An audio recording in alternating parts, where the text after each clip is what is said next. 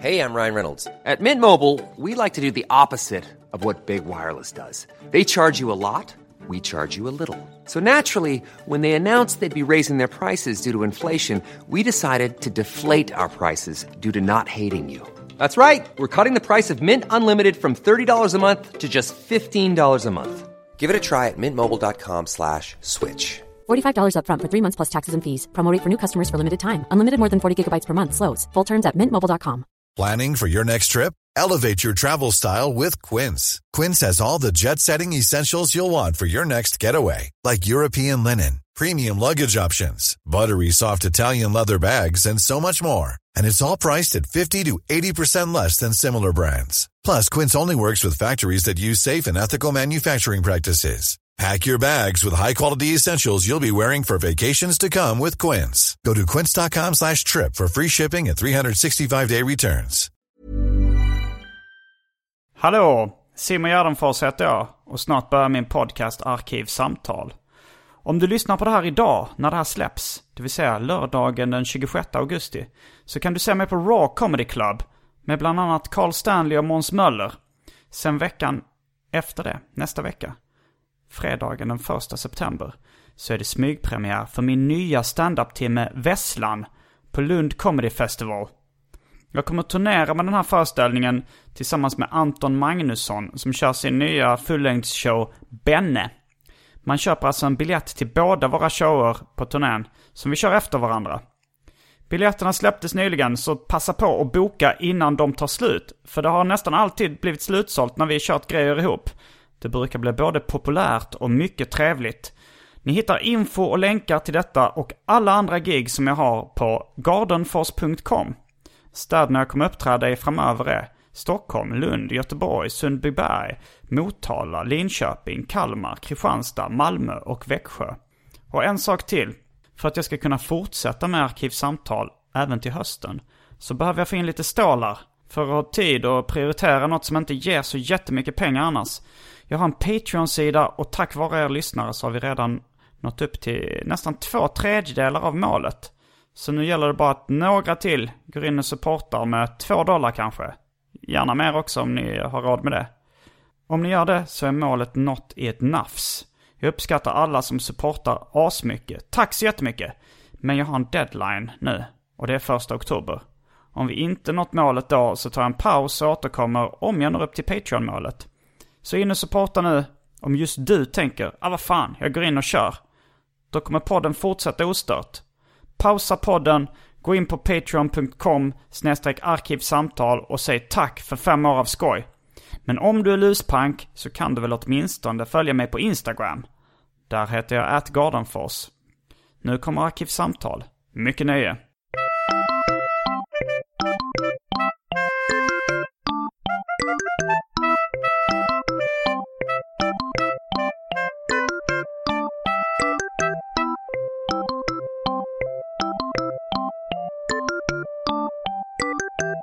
Hej och välkomna till den roliga podcasten Arkivsamtal.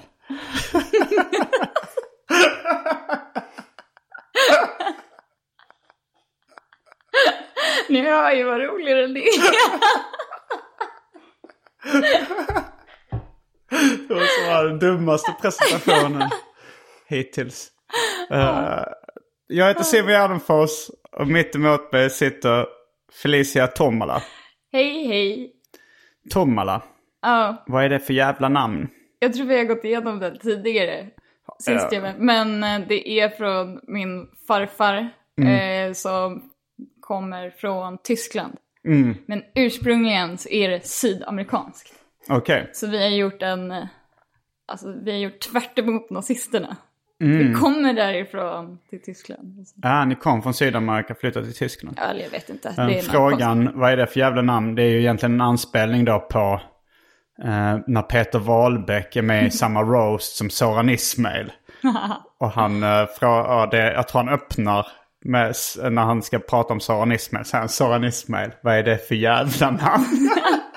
Men det, för det är alltid i vårt hemliga komikerforum som man inte får prata om.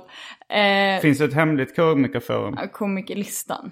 Jaha, är det hemligt? Ja, eller de vill alltid säga... Varför har inte jag blivit informerad om att det var hemligt? jag vet. Men det är, eh, jag vet att Karin Adelsköld blev utskälld för att hon nämnde det forumet när hela Mårten Andersson-grejen var igång.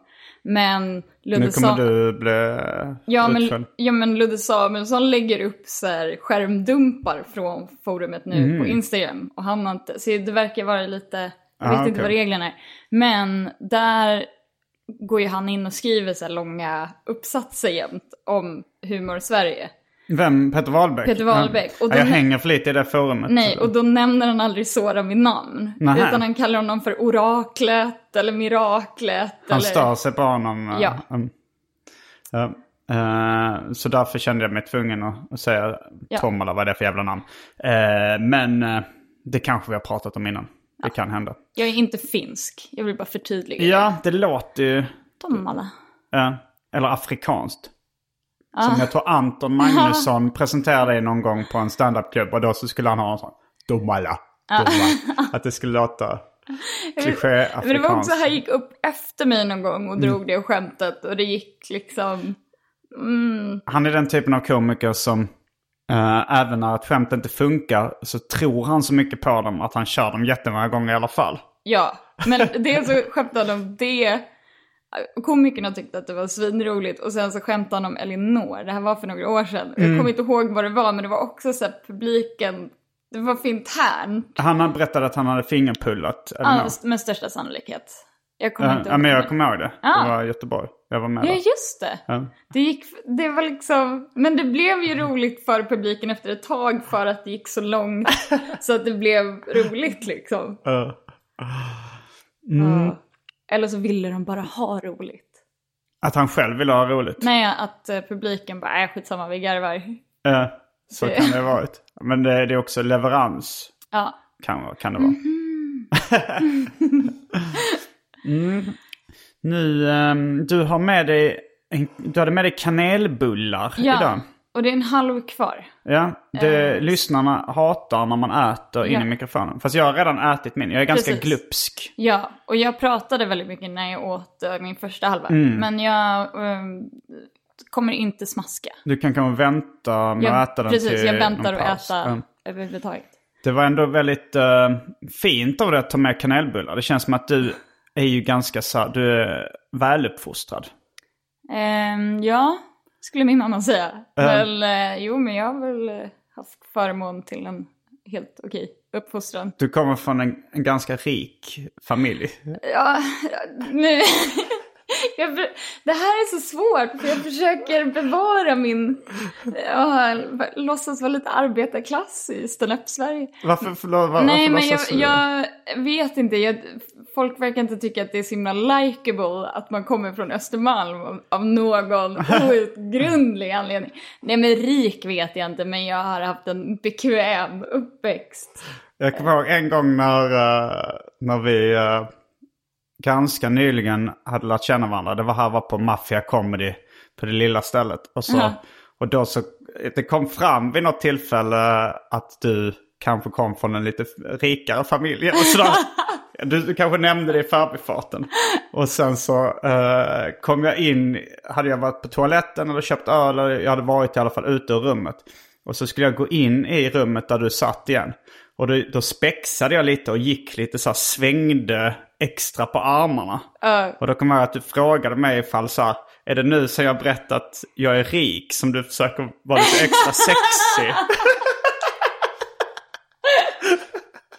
För att det är sånt som jag tycker är så jävla sexigt.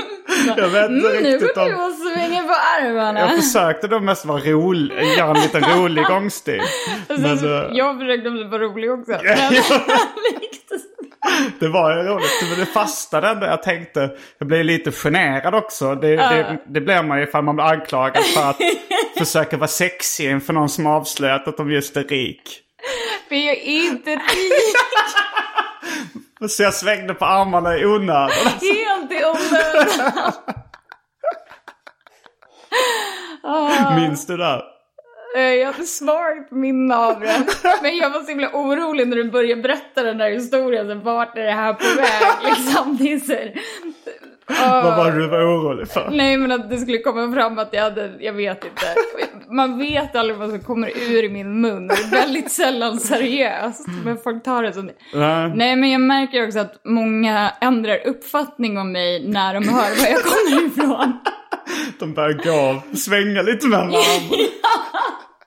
Men jag är ju liksom en bortskämd skitunge. Men jag vet det, Ja. så jag tycker att det är okej. Ja, ehm, i eh, förra avsnittet av Arkivsamtal då, eh, då försökte jag få det till att uh, Ola Söderholm var Arkivsamtals bad boy. Eh, men han tyckte att, eh, att det var mest jag som försökte hitta ett narrativ i podden. Nu tänker jag försöka få det till att du är uh, Arkivsamtals, eller i alla fall stand-up Sveriges Woody Allen. Alltså, för du, du är ändå så här, du går, går mycket i terapi. Du kommer från en, eh, en liten borgerlig bakgrund. Du, eh, ja, men du, och du är lite neurotisk ska jag också säga. Lite. Eh, vad, vad tror du om det här? Är det, är det, med, är det, en, är det en skohorning i, i stil med att Ola Söderholm skulle vara Arkivsamtals bad boy? Nej, ja, lite. För du har ju rätt, alltså den typen av eh, humor också där det är ganska självutlämnande. Ja. Alltså en sån här självbiografisk eh, också där man... Eh, eh, där du är ganska hård mot dig själv. På ett roligt sätt. Men det tycker jag är... Det har jag kommit fram... När jag började så, körde jag typ lite Messiah Hallberg-aktigt. Att du var, ja, Messiah Hallberg är en komiker då som nästan parodiskt eh, är en douchebag från överklassen från Östermalm. Ja, Liksom. han försöker tvätta bort den stämpeln nu. Eh, vilket är svårt, för att han blev känd som den personen. Ja. Så- Och att det ligger hyfsat nära hans riktiga personlighet också. Ja, och han ser ju ut sådär. Så... uh. Det nu? gäller att du, att du klipper det här snällt. Han ser ut sådär. Ja men det var ju, det, det Eh. får han väl leva med. Ja, men han backslick och hela grejen. Men jag är väldigt glad att det inte blev... För det jag tycker är roligast är ju när folk är väldigt självutlämnande och pratar om sina egna liv. Ja, det tycker jag också. och då, jag kan ju liksom inte prata om att jag var tjock och mobbad som barn. För att jag var inte, eller jag skulle ju kunna göra det, men det är inte sant. Nej. Så då får man ju liksom hitta, nähä. Nej, det, alltså det, du skulle kunna ha varit tjock när du Ja. var liten. Det, jag, jag kände inte dig när du var barn. Nej. Eh, Eh, jag var jättesmal. Det var det. Gud. Nej, ehm, jo det var jag. Mm. Men, nej, men då får man ju välja det det, När jag lärde känna dig hade du just kommit hem från USA. ja, då var jag inte så smal. Då vet man ju, där, där har de väldigt uh, onyttig mat. Ja, Ja, du, var- du, var inte, du var inte kraftigt överviktig. Men, Nej. eh, men eh, jag hade några extra. Jag, gick- jag, gick, upp, jag gick upp 20 kilo 20 kilo? på ett och ett halvt år. Oj, oj, oj. Eller på ett år. Vad åt du där egentligen?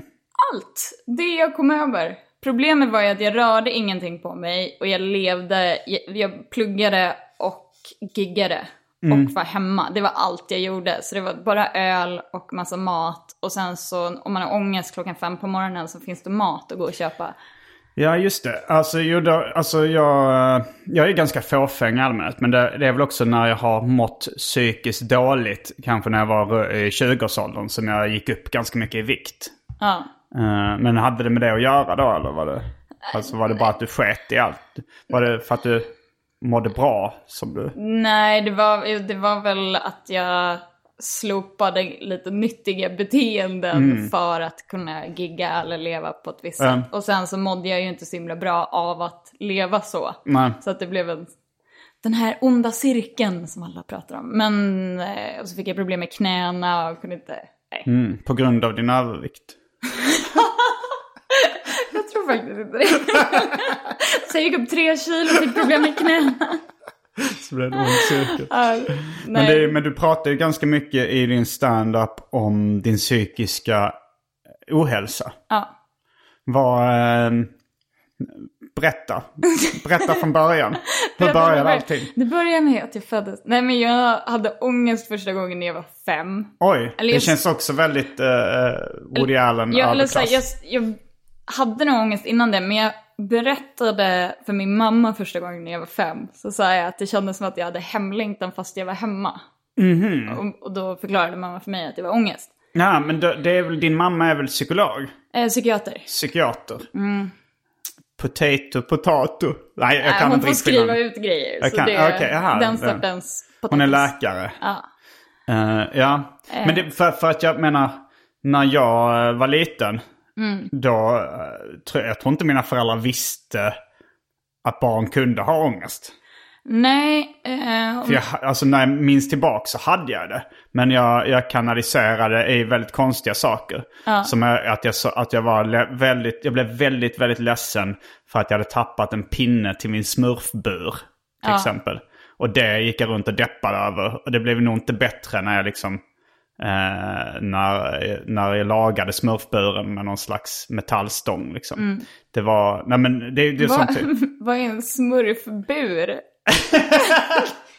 Det- Den uppmärksamma lyssnarna av Arkivsamtal kommer känna igen historien om smurfburen. Du kommer ihåg smurf, du, smurfarna, de är fortfarande omåttligt populära. Ja. De är Eh. antisemiter. Ja, kanske det. Ja. det De hatar ju Gargamel. Ja, men det är frågan. Var han jude eller ser han bara... Han kan se Ja, men lite han ut är som en ju en stereotyp. karikatyr av en jude. Liksom. Det säger mer om dina fördomar. Nej, att du det tycker säger, han ser ut som en Det jude. säger mer om tiden det Ja. gjorde sig. Jo, de är, säkert, eh, de är säkert. Men Gargamel är också väldigt taskig mot dem. Och de kanske inte dömer folk eh, efter deras utseende. Men att han vill ju utplåna dem. Eller, jag vet inte vad han vill göra med smurfarna. Nej. Eh, men Det här går också att klippa väldigt... varför skulle vi klippa bort Nej, det? jag bara tänker att det, det skulle kunna bli världens mest ofördelaktiga inslag att jag berättar hur små... Ah, skitsamma. Ah, nej. Ja. Eh, nej men jag hade, jag hade då eh, en, en smurf som, satt, som var inspärrad i en bur. Kanske av Gargamel. Eh, det var en trä, det var liksom, den var plast, buren. Ja, du identifierade dig med. Som jude.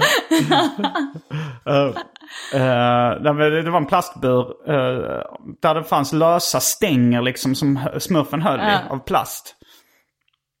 Så en dag så kunde jag inte hitta en av stängerna, de var löstagbara. Och det gick jag och deppade av över då som femåring. Ehm, och, och bara låg liksom i sängen. Och så kom min mamma in och frågade vad, vad är det Simon? Så berättade jag då om smurfburen. ja. Och, och hon tyckte väl efter ett tag så var hon, hon, hon körde med på det här. Det finns barn som svälter i Afrika. Ska du, du kan inte vara, du, det här är inte... Fast förmodligen var det ju bara vad din mamma skulle säga var generell ångest. Att det var inte... ja, men barn har ju ingenting att ha ångest över. Liksom. Det är ju inte... Förhoppningsvis inte. Nej, eller om man har... Barn har ingenting. etablerar min... Alla växer ju upp med massa smurfar. Men... Hade inte alla guldsmurfar som bara, det är bara att köpa en ny bur. Men, eh, men då fäster man det ju vid saker som man själv Ja. tycker är. Men Och min storebror så hade väldigt mycket ångest. Men då kallades det nog oro, kommer jag ihåg. Han gick till skolkuratorn och sånt där och, eh, och fick prata. Och fick även måla tavlor som någon slags terapi. Då målade han väldigt, när han mådde sämst då så målade han, målade han väldigt mörka färger. och sen så när han började må bättre så hade han målat en tavla med väldigt ljusa färger. den hade psykologen målat själv. Och bara, titta han blir bättre. Eller bara ställt fram lite nya färger. Så du ska inte använda de här. Så plötsligt så skulle han kunna påvisa resultat. Titta vad han målat nu här. Ja, nej, men jag, jag har ju ADD och sen så någon annan ångestproblematik. Men det, Generell ångest. Eller vad det kallas. ja, jag vet inte om det är GAD eller om det, men ja, det, Är det det som är det är general anxiety disorder? Ja. Men eh, det är väl mest ADD som har sett eh, massa krokben för mig. Och sen så på grund av att jag...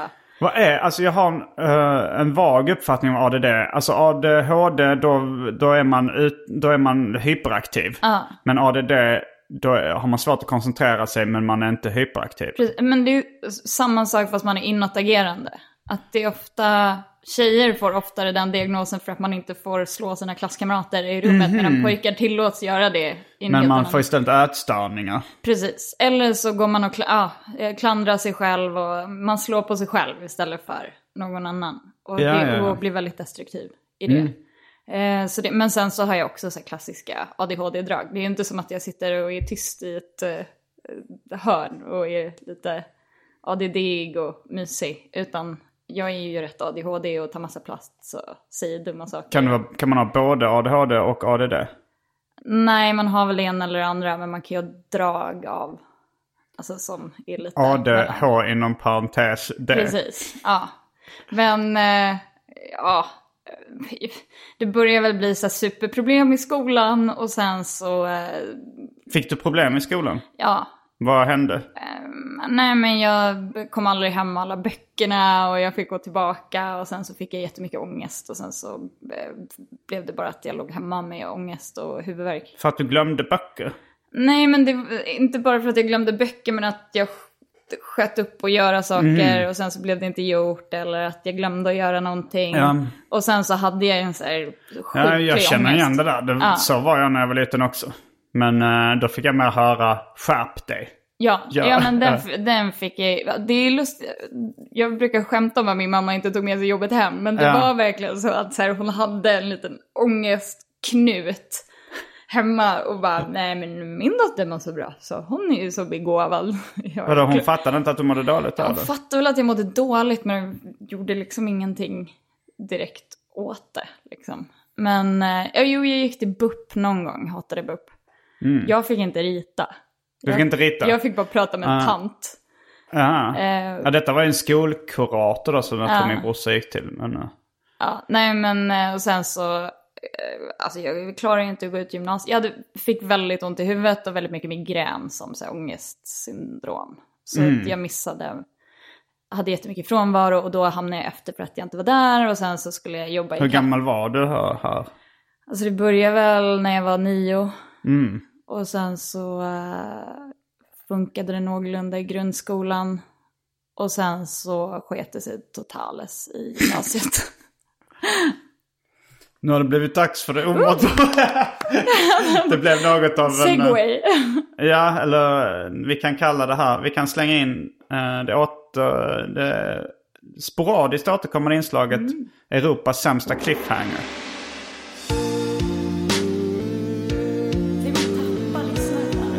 Där. Europas sämsta cliffhanger. Hur ska det gå för Felicia i skolan? Hon dör. Det kommer ni få eh, reda på efter eh, det omåttligt populära inslaget Välj drycken som kommer nu.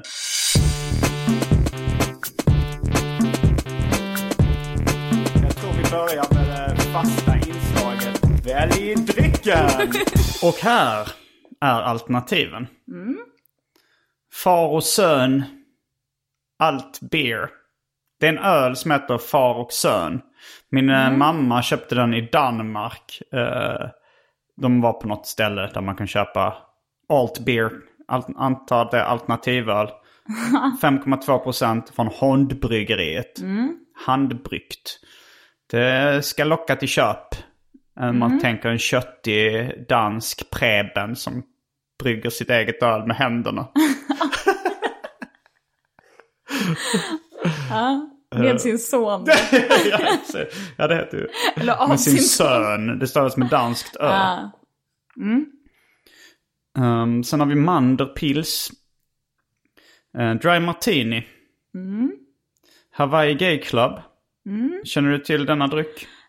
Ja, jag har hört det förklaras i podden men jag kommer inte riktigt...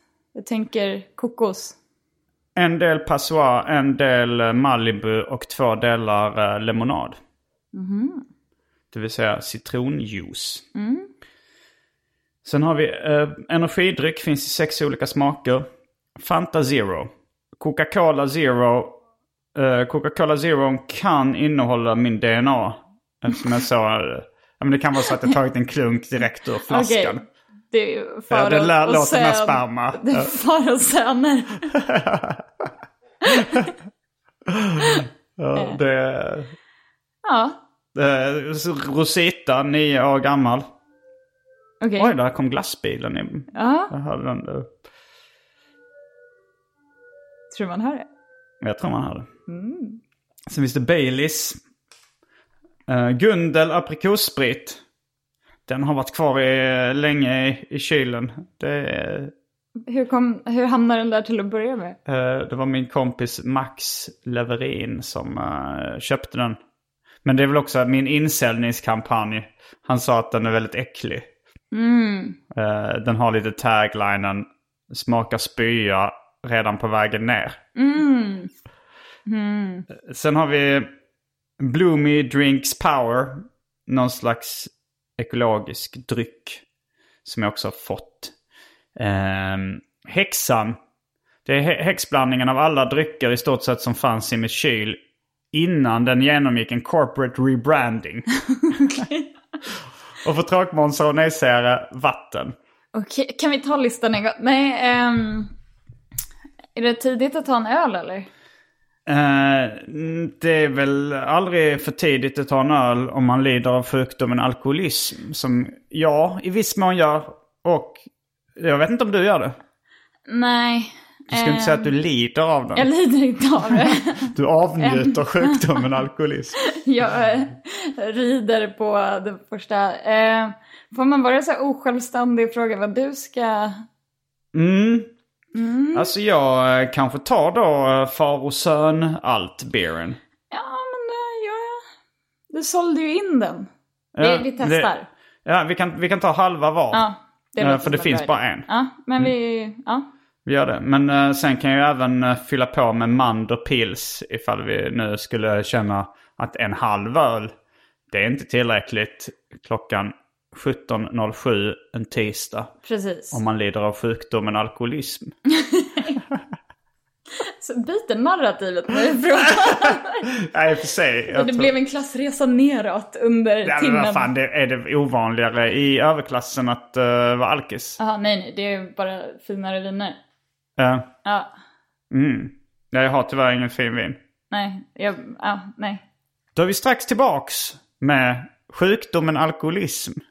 Känd från uh, det omåttligt populära inslaget Välj drycken. Häng med!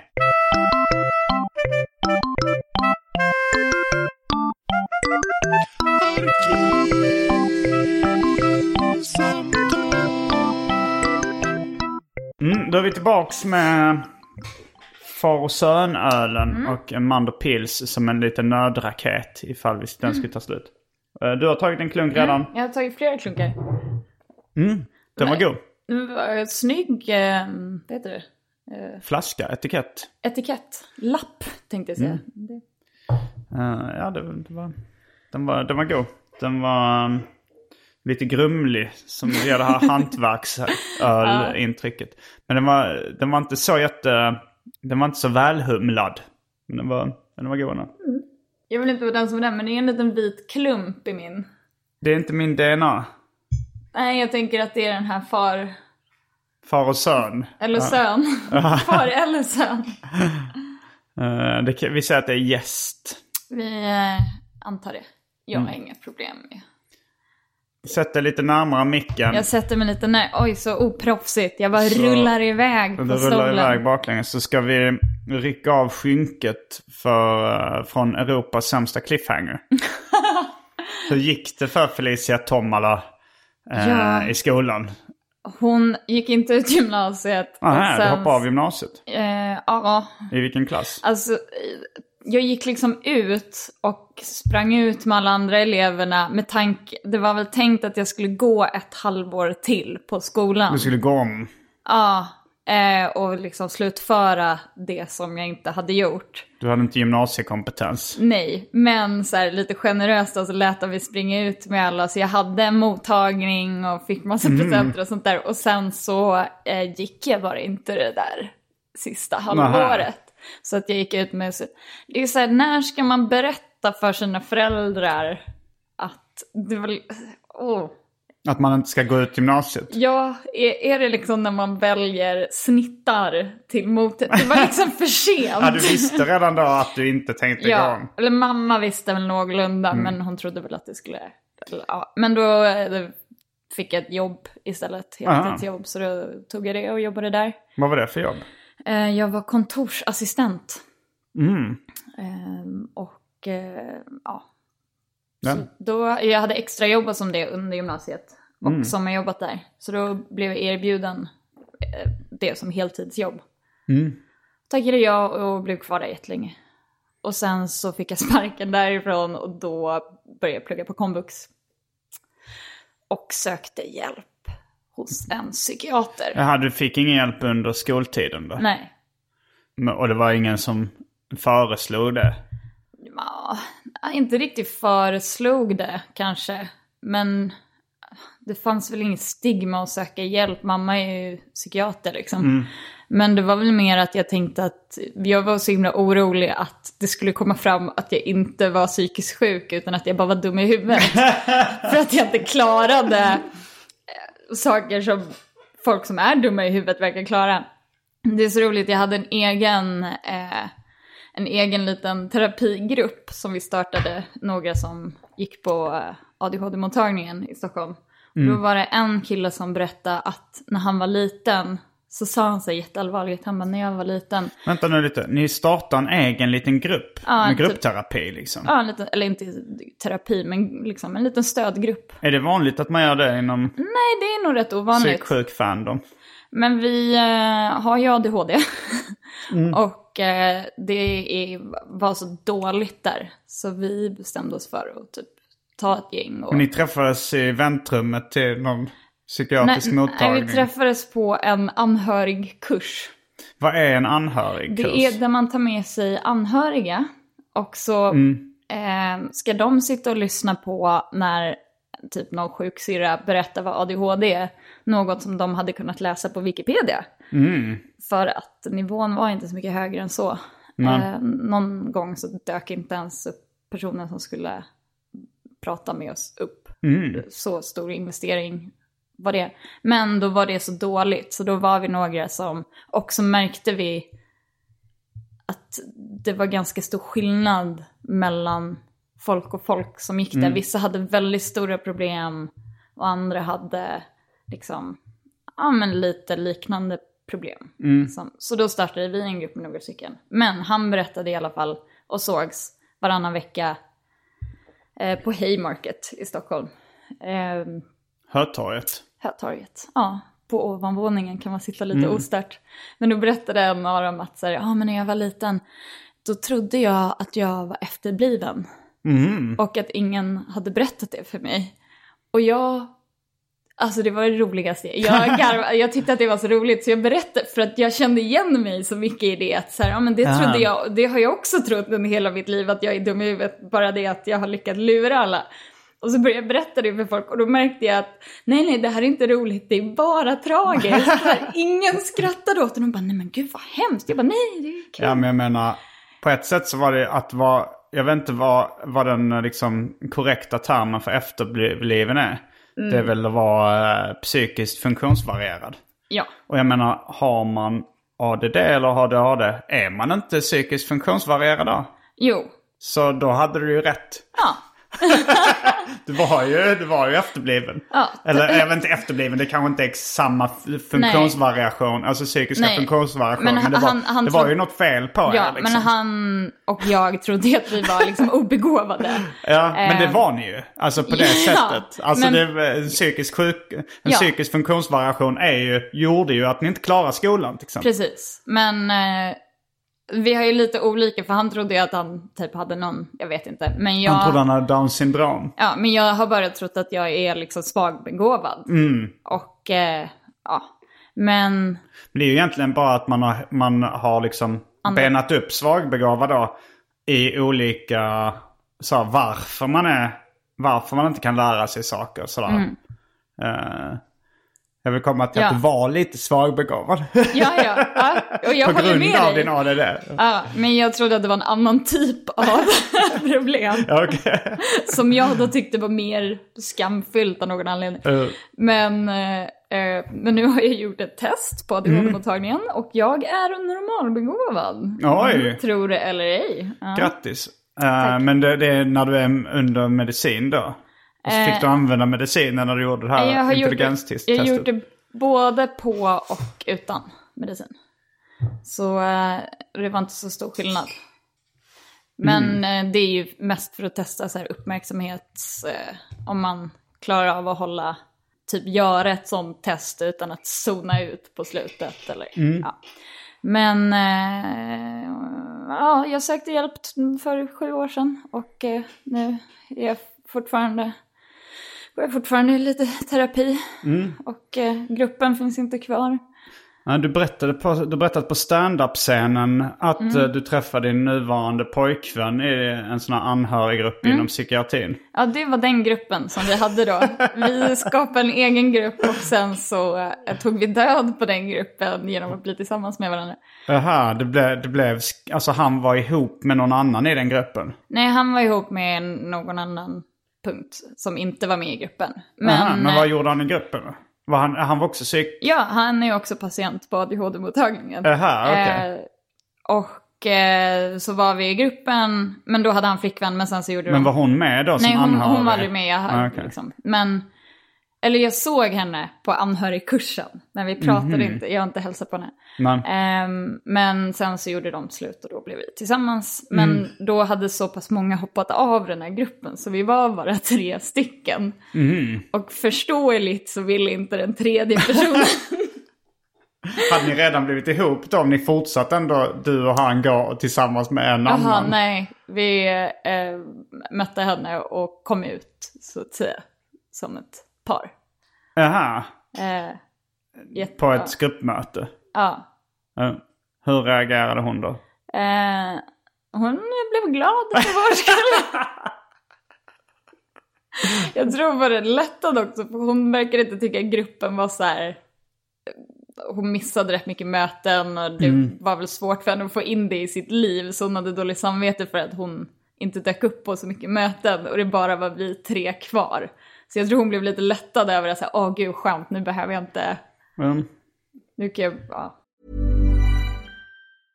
Hey, I'm Ryan Reynolds. At Mint Mobile, we like to do the opposite of what Big Wireless does. They charge you a lot, we charge you a little. So naturally, when they announced they'd be raising their prices due to inflation, we decided to deflate our prices due to not hating you. That's right. We're cutting the price of Mint Unlimited from $30 a month to just $15 a month.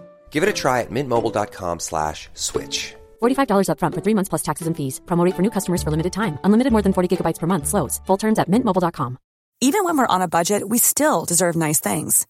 Quince is a place to scoop up stunning high-end goods for 50 to 80% less than similar brands.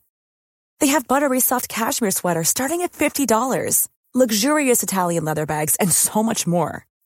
Plus, Quince only works with factories that use safe, ethical, and responsible manufacturing. Get the high-end goods you'll love without the high price tag with Quince. Go to quince.com slash style for free shipping and 365-day returns. I'm Sandra, and I'm just the professional your small business was looking for. But you didn't hire me because you didn't use LinkedIn jobs. LinkedIn has professionals you can't find anywhere else, including those who aren't actively looking for a new job but might be open to the perfect role, like me. In a given month, over 70% of LinkedIn users don't visit other leading job sites. So if you're not looking on LinkedIn, you'll miss out on great candidates like Sandra. Start hiring professionals like a professional. Post your free job on linkedin.com/people slash people today. Jag kände nu nyss när jag, när jag liksom började säga så att du var eh, svagbegåvad och sådär. Kände okej, nu där råkade jag vara lite eh, väl eh, fittig. Eh, och sen så började jag oroa mig igen, ungefär som det här när du tyckte att jag svängde med armarna. att, du, att du skulle misstänka nu att jag så här neggade dig. För, att, eh, jag visst, för att jag nu vet att du är rik. För att du har anklagat mig, att du inte mig för att jag stötte på dig. Eh, men det var en gång när jag var lite, lite, eh, lite taskig mot några tjejer i publiken. och så gick du upp efter mig på stand-up på scenen och, och då analyserade det som att det var någon sån här uh, the game-raggning-sätt. Att jag hade neggat de tjejerna i publiken. Alltså jag vill bara komma ut och säga att jag inte vill ta något ansvar för saker som jag säger. Någonsin. någonsin. Varken på scen eller privat. Eller i den här podden. Jag står inte för någonting. Ja, men jag tyckte, för jag, det, det kanske, jag vet inte, det var ingenting som jag hade gjort medvetet. Det var Nej. så här, det var några tjejer som var, de var engelskspråkiga. Ja. Och, eh, och så de snackade lite. Eh, och då så, då så började jag liksom bli lite sur för dem för att de snackar med varandra. Och så sa jag så här, lyssna på mig här. Ni, eh, jag hade ganska nyligen börjat med stand-up så jag var kanske inte världens smidigaste publiksnackare. Men jag började snacka med dem så här. Så här "Du- ni ska lyssna här, jag ni vet inte vem jag är. Ni, ni, eh, ni, ni pratar engelska så ni kommer inte från Sverige. Men jag är ganska känd i Sverige. Så berättade jag då, då hade jag kanske 3000 Twitterföljare eller någonting. Så jag sa, jag, har- jag, ni, jag har 3000 Twitterföljare. Ni är här, så ni kanske tror att jag, ni, ni ser på mig och tänker så här, vi är för snygga för honom. Men eh, jag, jag vill bara berätta för er då att jag dejtar tjejer som är mycket snyggare än vad ni är. Och, så, och då blev de tysta och lyssnade och tyckte nog det var ganska kul. Och sen så gick du upp och sa så här, jag tycker det var roligt hur, på vilket sätt Simon neggade de här tjejerna. Ja, och du- började då prata om någon slags uh, Ja raggningsteknik. men det var väl bara att jag ville höfta in på min the game rutin. Jaha. Kan jag tänka. Eller så, återigen. För jag har hört dig prata om det. Du verkar väl ändå vara intresserad av uh, raggningsteknik. Eller, Nej men jag eller... tycker att neggning är väldigt roligt. eh, men det är också lustigt att för det är så ofta man är så snäll när man pratar med publiken. Ja. Att jag gick upp och bara, vad håller du på med? Säger du elaka saker? Det är Jag vet inte. När, när jag fick höra talas om neggning och det här liksom att vara kaxig för att göra sig mer attraktiv. Då Mm. kände jag att det, det är kanske någonting jag har gjort omedvetet. Eller jag, jag har alltid varit lite störig liksom. Ja. Och skämtat lite småtaskigt med folk. Ja. Eh, så det, det var väl bra då. Ja, har det visat Nu vet jag varför folk ibland är intresserade. Men det hela kanske var så att jag såg det och så tyckte jag att de tjejerna var snyggare än vad jag var. Och så tänkte jag så här, ha, så Simon är för bra för mig. och sen så nästa gång vi såg så jag bara, har jag nämnt att jag är rik? och då började han svänga med armarna. Är det ett tecken på intresse att man viff, vevar lite extra med armarna? jag, jag vet inte. Jag det känns så aplikt. Det känns som någonting som skulle kunna stå i the game. Att så här, se ut som en, Som en så här, apa. Som en primal. gorilla. Ja, jag tänkte mer, uh, men lite så här funny walk. Att man, Ja. man går som att armarna var gjorda av spaghetti. det var nog inte tanken att vara sexy. Men nu vet du. Eh, ja.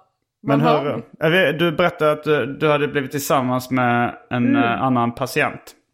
Just det. Ehm, Så det, vi är tillsammans. Ja, hur är det att leva med någon annan som har... Har ni samma typ av eh, psykiska Ja. funktionsvariation? Ja, det har vi. Mm. Jag har ju tidigare levt med en bipolär man. Tydligen. Eller, tidigare? Tidigare. Tidigare? Ah, Ja, tydligen. tydligen. Jag tänkte att du kom på det i efterhand. Men... Eller att det har, kommit, det har kommit fram nu under... Nej, eh, nej, det var väldigt tydligt redan från början. Men Är det det här kaka söker maka? Att du, att du söker dig till andra med psykiska besvär eller är det... ja, eller så tänker jag att eh, det är bara de som kan stå ut med mig. nej, men det är väl lite att man söker någon som har någorlunda samma energi som man själv har. Mm, Men, eh, nej, men det funkar inte så himla bra. Eh, för att... eh, Att han var bipolär? Nej, för att han dumpade mig mest. det slutade funka Ja, det då tydligen. att, svårt för det men om man jämför med det, nej men det är ganska skönt. Det är väldigt förlåtande att leva med någon som har samma ja, ja. problem. Ja, det kan jag förstå. Ja. Och det känns jobbigare med någon som är bipolär skulle jag nog säga spontant. Ja, vakna mitt i natten och så sitter de och skriver på sin sci-fi-roman i köket. Och Så det här, A är på en beautiful bra mind dag. style. Det är på en bra dag. Det Bra känns, dag. för de, eh, när man är, det måste ändå vara när man är eh, uppåt. ja, När man är neråt kan jag tänka mig att det är betydligt värre. då, då händer det inte så mycket överhuvudtaget. Liksom. Eller då är det bara stort svart hål Mm, och det tycker du inte är så jobbigt? Kan man göra saker utanför lägenheten. Jag kommer fram och så här, jag framstår som en så himla härlig partner. Bara, när de mår dåligt då bara lämnar man. Det... Nej men eh, dels det och sen så gick vi i den här gruppen ett halvår och pratade om våra värsta rädslor och problem i tidigare relationer. Och... Men var det där ni liksom blev kära i varandra under de mötena? Ja, lite så. Hur, hur tog ni det sen till, till steget eh, att börja kyssas? Först så gjorde ju han slut med sin flickvän. Ja, men, men var det... Hade Jag ni var inte börjat- med då. Hade ni börjat flörta då? Eller hade ni börjat hångla då? Eller ligga med varandra? Eller? nej, vi hade inte gjort någonting. Jag Men- tänkte att han levde jättelycklig med Mm. sin eh, partner och att jag levde i en fantasivärld. Men de gjorde slut och sen så hörde han av sig till mig och sa att de hade gjort det. Mm. Men det måste ju ändå... Det om jag skriver till någon tjej som jag känner, eller känner lite grann. Nu har jag gjort slut med min flickvän. Det, det, det antyds ändå någonting eh, då. Ja, jo absolut. Men det var ju också, vi hade ju haft en grupp där vi pratade med, jag kände att det kanske bara var att han ville vädra. Mm. Att så här, åh vad jobbigt det är. Och sen så satt han på min soffa i typ fyra timmar och eh, pratade om någonting. Eh, så... Du bjöd hem honom och sa vi, Ja. jag finns här för dig. Ja, och, nej, ja, ja, ja det, är, det är mycket värre än så. För att det enda jag hade att dricka hemma var prosecco. Så att så när han kommer då poppar jag och säger "Ah, har du gjort slut med din tjej? är det okej att vi dricker bubbel eller? Men eh, ja, och sen så sa han att han tycker om mig. Och sen nu är vi tillsammans. Mm, ja, det, Och så testade jag att hångla lite. ja, det var ganska länge sedan. Det var något år sedan eller? Nej, halvår sedan Okej. drygt. Har du bara varit ihop med folk med psykiska funktionsvariationer? Nej, det har jag. Jag har varit tillsammans med paranormalisar. Mm. Eh, men problemet med det är att jag känner väldigt tidigt i förhållandet att nu, nu bara väntar vi tills jag kommer fucka upp det här liksom. Mhm. Men och att jag har etablerat, kanske inte mitt första förhållande, men eh, mitt senaste förhållande innan det här så sa jag väldigt tidigt att när jag mår dåligt då har jag svårt att höra av mig och vara i kontakt med folk och liksom hålla koll på mobilen och jag vill bara inte göra någonting. Och det är väldigt lätt att förstå när någon säger det till en men det är inte lika lätt att inte ta det personligt när det händer. Mm. Eh, så och då, så, det var så här jobbigt att, att gå och vänta på att så här, Åh, nu kommer jag få en depression snart och då kommer han bli arg på mig. Typ. Men depressionerna, är det en del i liksom ADHD-diagnosen eller är det, är det en liten bonus på sidan? Det, det är väl en, det är väl lite både och. Det är väl, dels är det lite bonus på sidan, men också är det att jag får svackor. Och det är ofta på grund av att mina ADHD-symptom har puttat ner mig i en svacka. För att Okej. jag prokrastinerar eller är jobbig liksom, på något annat sätt. Mm. Och då eh, gör jag folk ledsna när jag inte hör av mig. Ja, men tycker du, för jag, jag har mest också varit tillsammans med folk som har någon form av psykisk ohälsa. Eh, Hur har det funkat? Ja, helt okej. Alltså jag är ändå... Alltså jag har ju trott att... Jag har ju börjat tro att det är, norma- att det, är det normala. Att alla har det. Eh, Jag, har fått, jag fick för mig ett tag att alla är lite så här, lite smågalna, lite deppiga, lite, eh, lite, lite så här. Coco Bahia. Eh, Men sen har jag förstått att det är kanske inte så. Och de gånger jag har testat att vara tillsammans med någon som är en vanlig medelsvensson. Så har jag tyckt det var tråkigt. Och jag vet inte om det... Det är, väl, det är väl lite det här kvinnor som söker sig till kriminella män. Så är jag en sån som söker mig till, till lite, eh, lite eh, psyksjuka kvinnor. Ja. Jag vet inte. Crazy in the head, crazy in the bed. Den, Ja. Men, eh, ja. Men jag, men, ja, men jag funderade på det. Har du, du har inte känt det när du, att, när du var tillsammans med någon som är normal, att du tyckte det var tråkigt? Nej. Eller mer att du, För jag tycker ju ofta, det, det är ju ofta, folk är ju lite intressanta och roliga också när de... eh, Eller det är ju väldigt ovanligt att någon är extremt kreativ och väljer, eh, väljer att leva en alternativ livsstil om man är bara helt vanlig. Alltså så här helt, helt normal. Ja, alltså den senaste killen var väl, han var ju inte en vanlig, han var ju rätt quirky. Men det var ändå så här, jag känner väl mer att jag vill ha någon som kan ha förståelse för mina konstigheter. Och, och mitt mörker. Att någon som lite kan relatera till det. Sen så vill man ju inte ha en nej-sägare. det är ju någon som bara, Vad håller, varför har du baddräkt på dig Felicia? Alltså så här, jag, Har du baddräkt på dig Nej, i jag- konstiga sammanhang? nej men jag tänkte på att jag vill bada. Men eh, Va? nej, jag, min hjärna, Aha, jag har du- inte tagit medicin. Ah, okej. Jo, jag har det. Men, men eh, jag vet inte vad jag är på väg. Jo, jag vill bara ha jag, vanliga människor. Jag behöver inte ha en galen panna som så här, kommer på massa tokiga grejer. Nej. Men folk som är lite inrutade och, och van, vanliga, Mm. de... eh, Det blir väldigt inrutat och de kanske inte uppmuntrar ens lite, lite sidor som man själv tycker Mm. om hos sig själv. Jag kan ju för sig känna en viss längtan efter att ha- ett förhållande med någon som är väldigt eh, uppstyrd och inrutad. Efter liksom ett pärlband av förhållanden med folk som är rätt kaosartade. Det står ju i, eh, det finns en bok som heter Delivered to Distraction som handlar om ADD, ADHD, vuxenvarianten. Där det står att folk med ADHD ofta väljer partners som är väldigt så här, typ A och tråkiga och Aha. typ jurister liksom, eller Mm. revisorer. Och mår jättebra utav det i början för att det är inrutat det, och det är struktur och det är, de, liksom, de mår bra av att någon typ tar hand om en. Men sen så går det åt helvete för att man känner sig inlåst. Likt en smurf. I en bur. Och börjar kasta bort pinnar. och får ångest. Nu har vi pratat lite om dina psykiska problem. Ja, Låt oss prata lite om dina fysiska mina problem. fysiska... Oj då.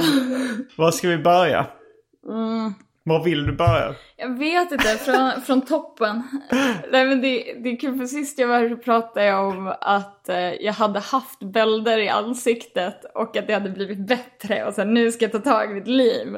Um, Och nu har de börjat typ komma tillbaka lite.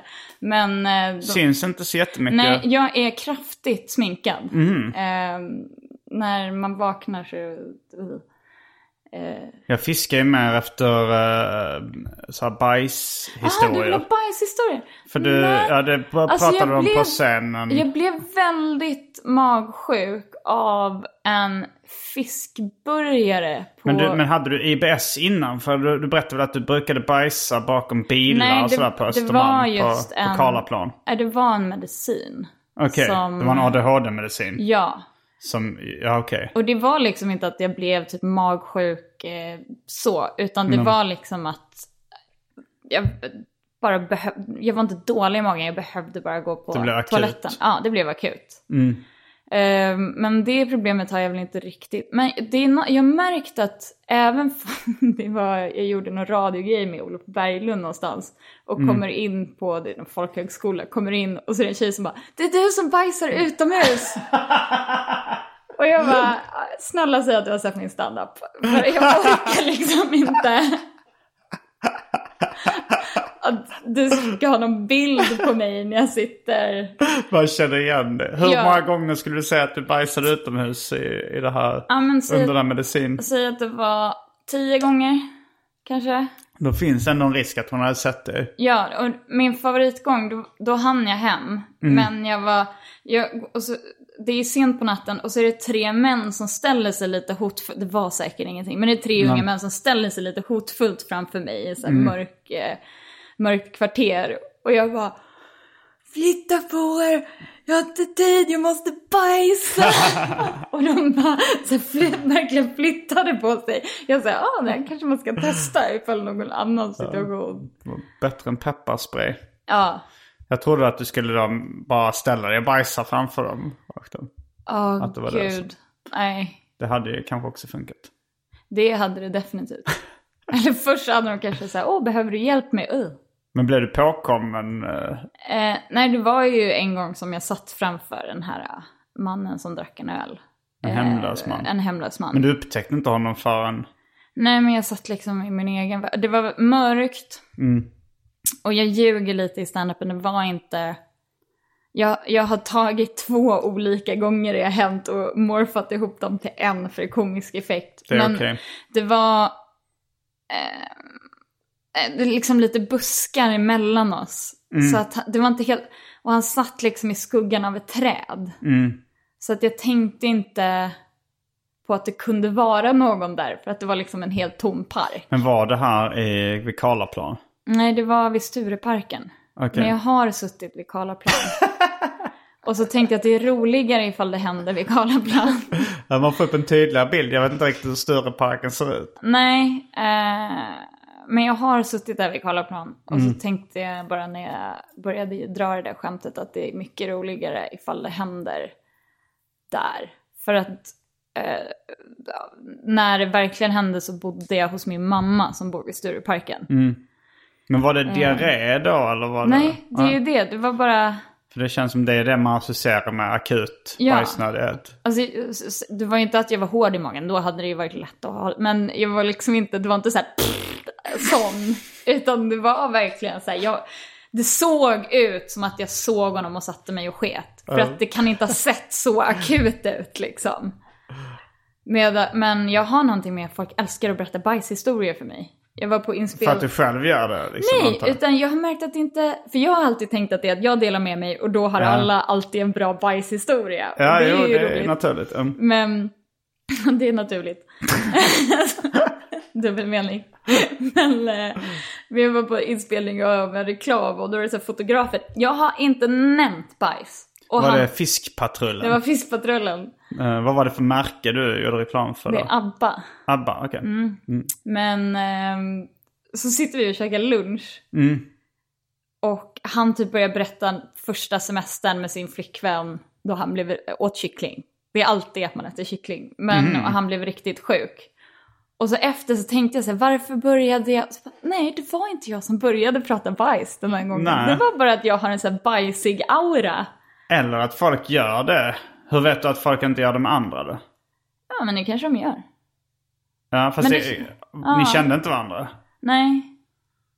Han Mm. bara ville dela med sig av... Ja, fast det, det skulle vara konstigt att du har en, en aura som drar till dig bajsprat. Kanske att du är frispråkig. Ja. Att, för, att du pratar om andra saker som andra skulle tycka är pinsamma. Mm. Och då känner de, nu vill jag dela med mig av något pinsamt minne. Ja. Som är roligt, för hon verkar vara sån eh, eh, som, Som kan prata om det. allt.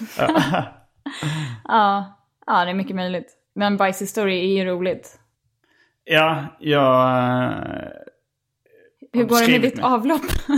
Mitt av... Eh, ja, det pratade vi kanske om förra gången. Eh, då, alltså att det, var, att det kändes som att det var lite stopp i toaletten eller? Ja, lite och att du spolade ner så här, intimservetter. Ja, jag trodde ju då att det var, att det var mina våtservetter eh, som gjorde att det blev stopp i toaletten. Men det visade sig vara ett foster. Nej, det visade, det visade sig att det var något fel på spolfunktionen. Eh, Fastighetsskötaren kom och fixade det. Det var inte våtservetterna som var boven i dramat.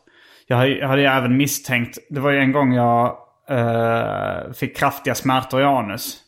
Som visade sig vara att jag hade fått ett musselskal som hade fastnat i rövhålet. Jag hade, jag hade ätit en skaldjurspasta och så hade jag råkat svälja liksom en flisa av ett blåmussleskal.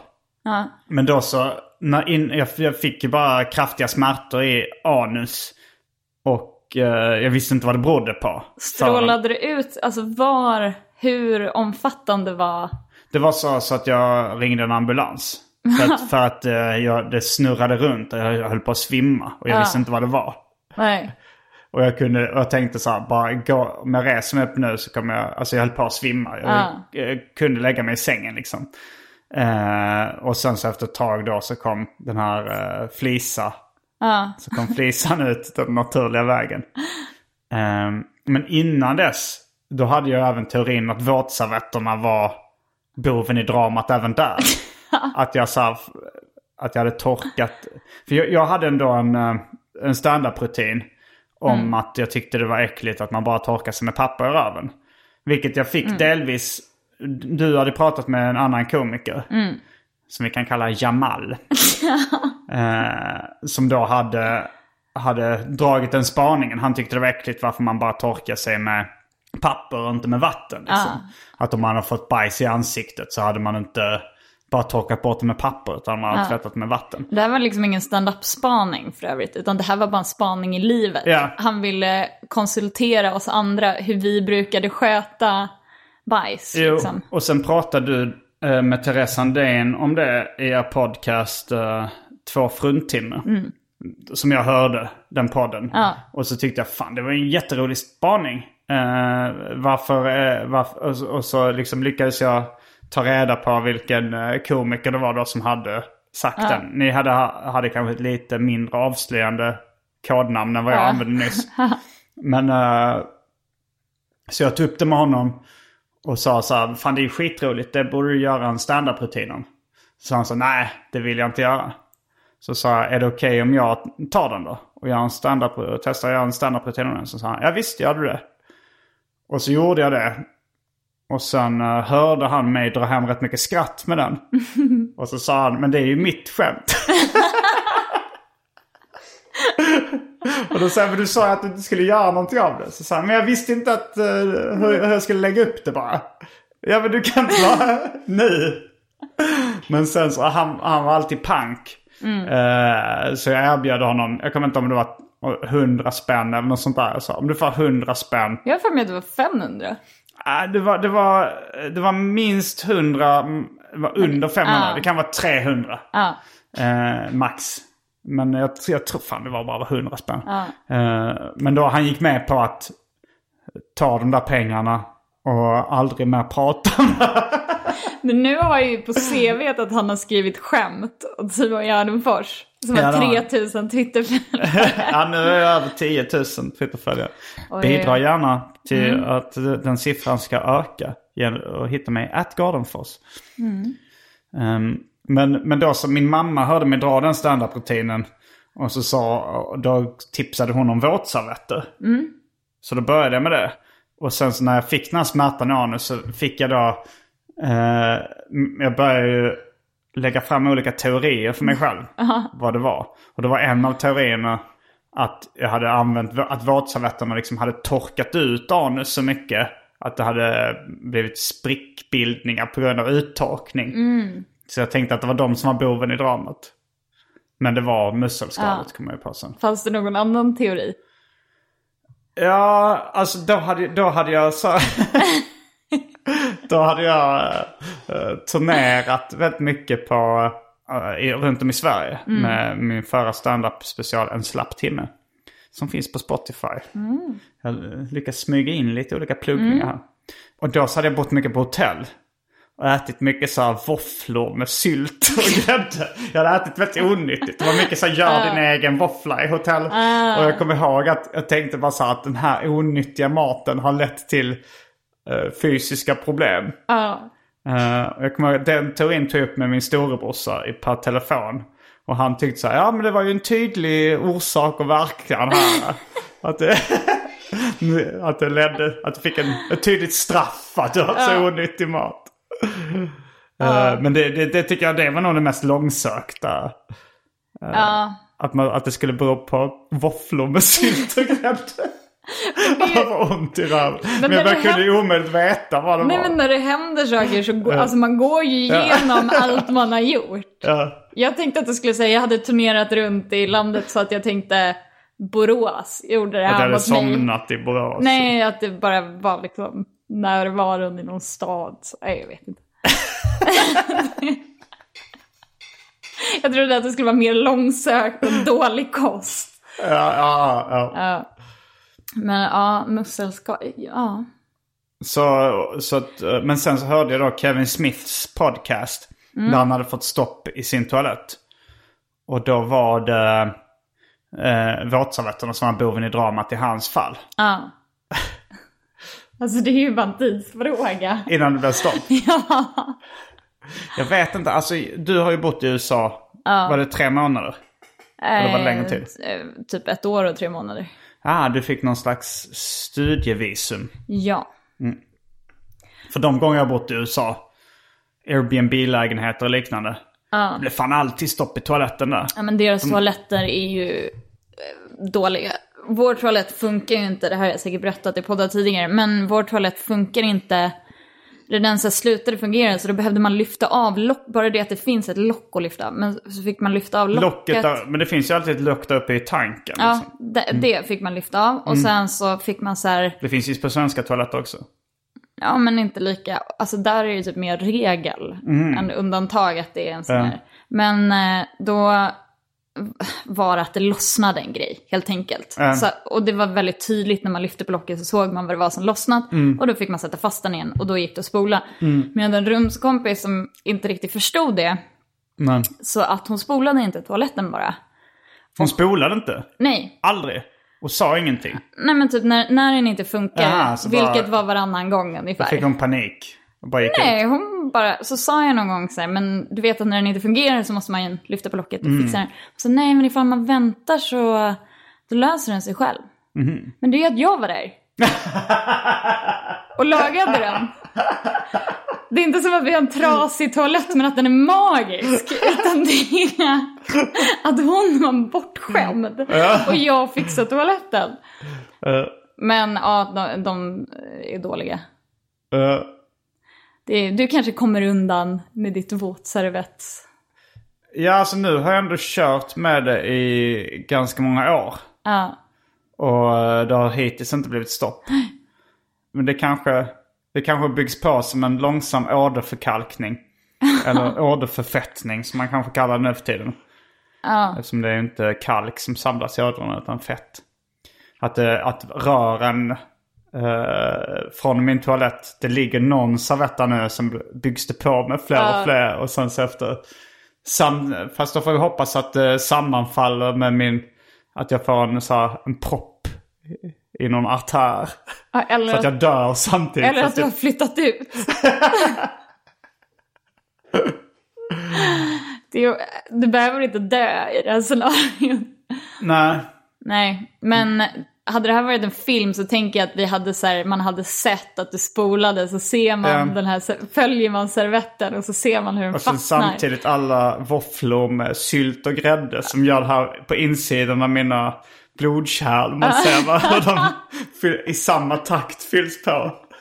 Jag tycker ändå det skulle vara lite fint om det hände samtidigt. Ja. Att din dåliga kost. här poetiskt. Tänker du att du sitter på toaletten då när det... Nej, för Ja, men- spolat.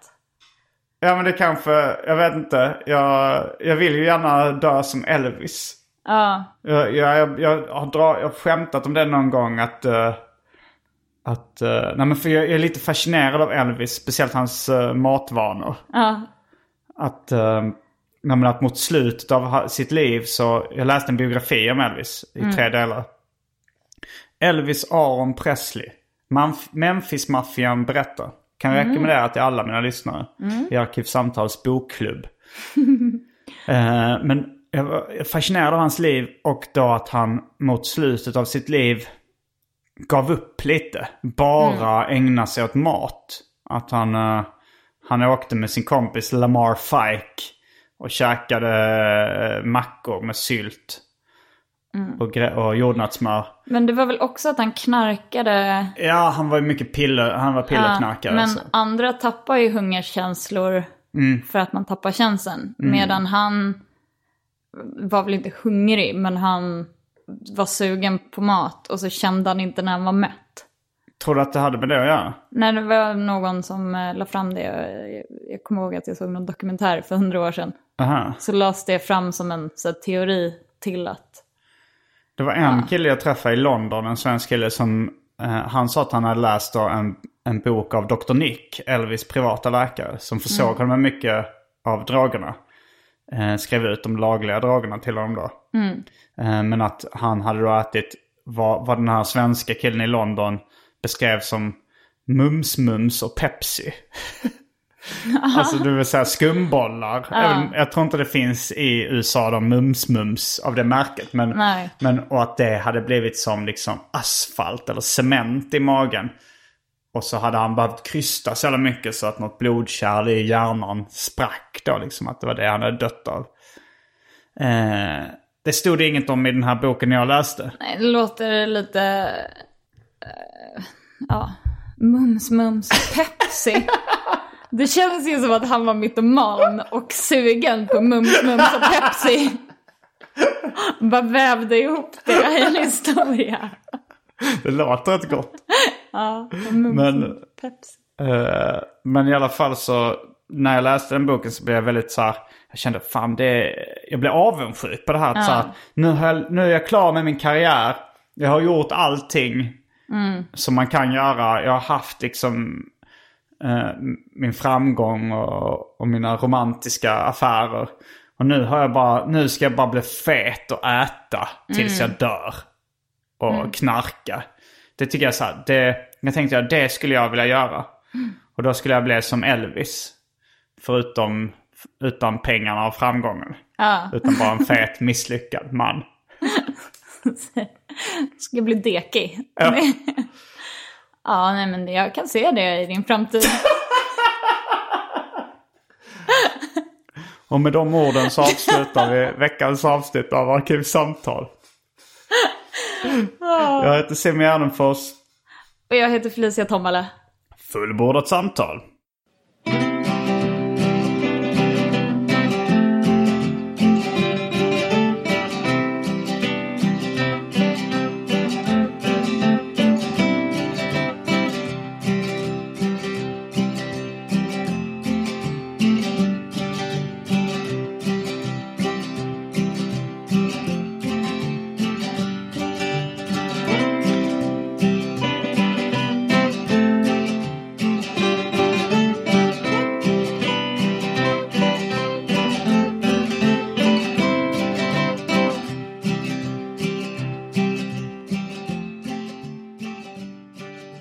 Tack till min klippare Marcus Blomgren som driver Sveriges minst uppskattade Instagramkonto under namnet Marcus Brumgren. Missa inte det. Even when we're on a budget, we still deserve nice things. Quince is a place to scoop up stunning high-end goods for 50 to 80% less than similar brands. They have buttery soft cashmere sweaters starting at $50, luxurious Italian leather bags, and so much more. Plus, Quince only works with factories that use safe, ethical, and responsible manufacturing. Get the high-end goods you'll love without the high price tag with Quince. Go to quince.com slash style for free shipping and 365-day returns. Even when we're on a budget, we still deserve nice things. Quince is a place to scoop up stunning high-end goods for 50 to 80% less than similar brands. They have buttery soft cashmere sweaters starting at $50, luxurious Italian leather bags, and so much more. Plus, Quince only works with factories that use safe, ethical, and responsible manufacturing. Get the high-end goods you'll love without the high price tag with Quince. Go to quince.com slash style for free shipping and 365-day returns.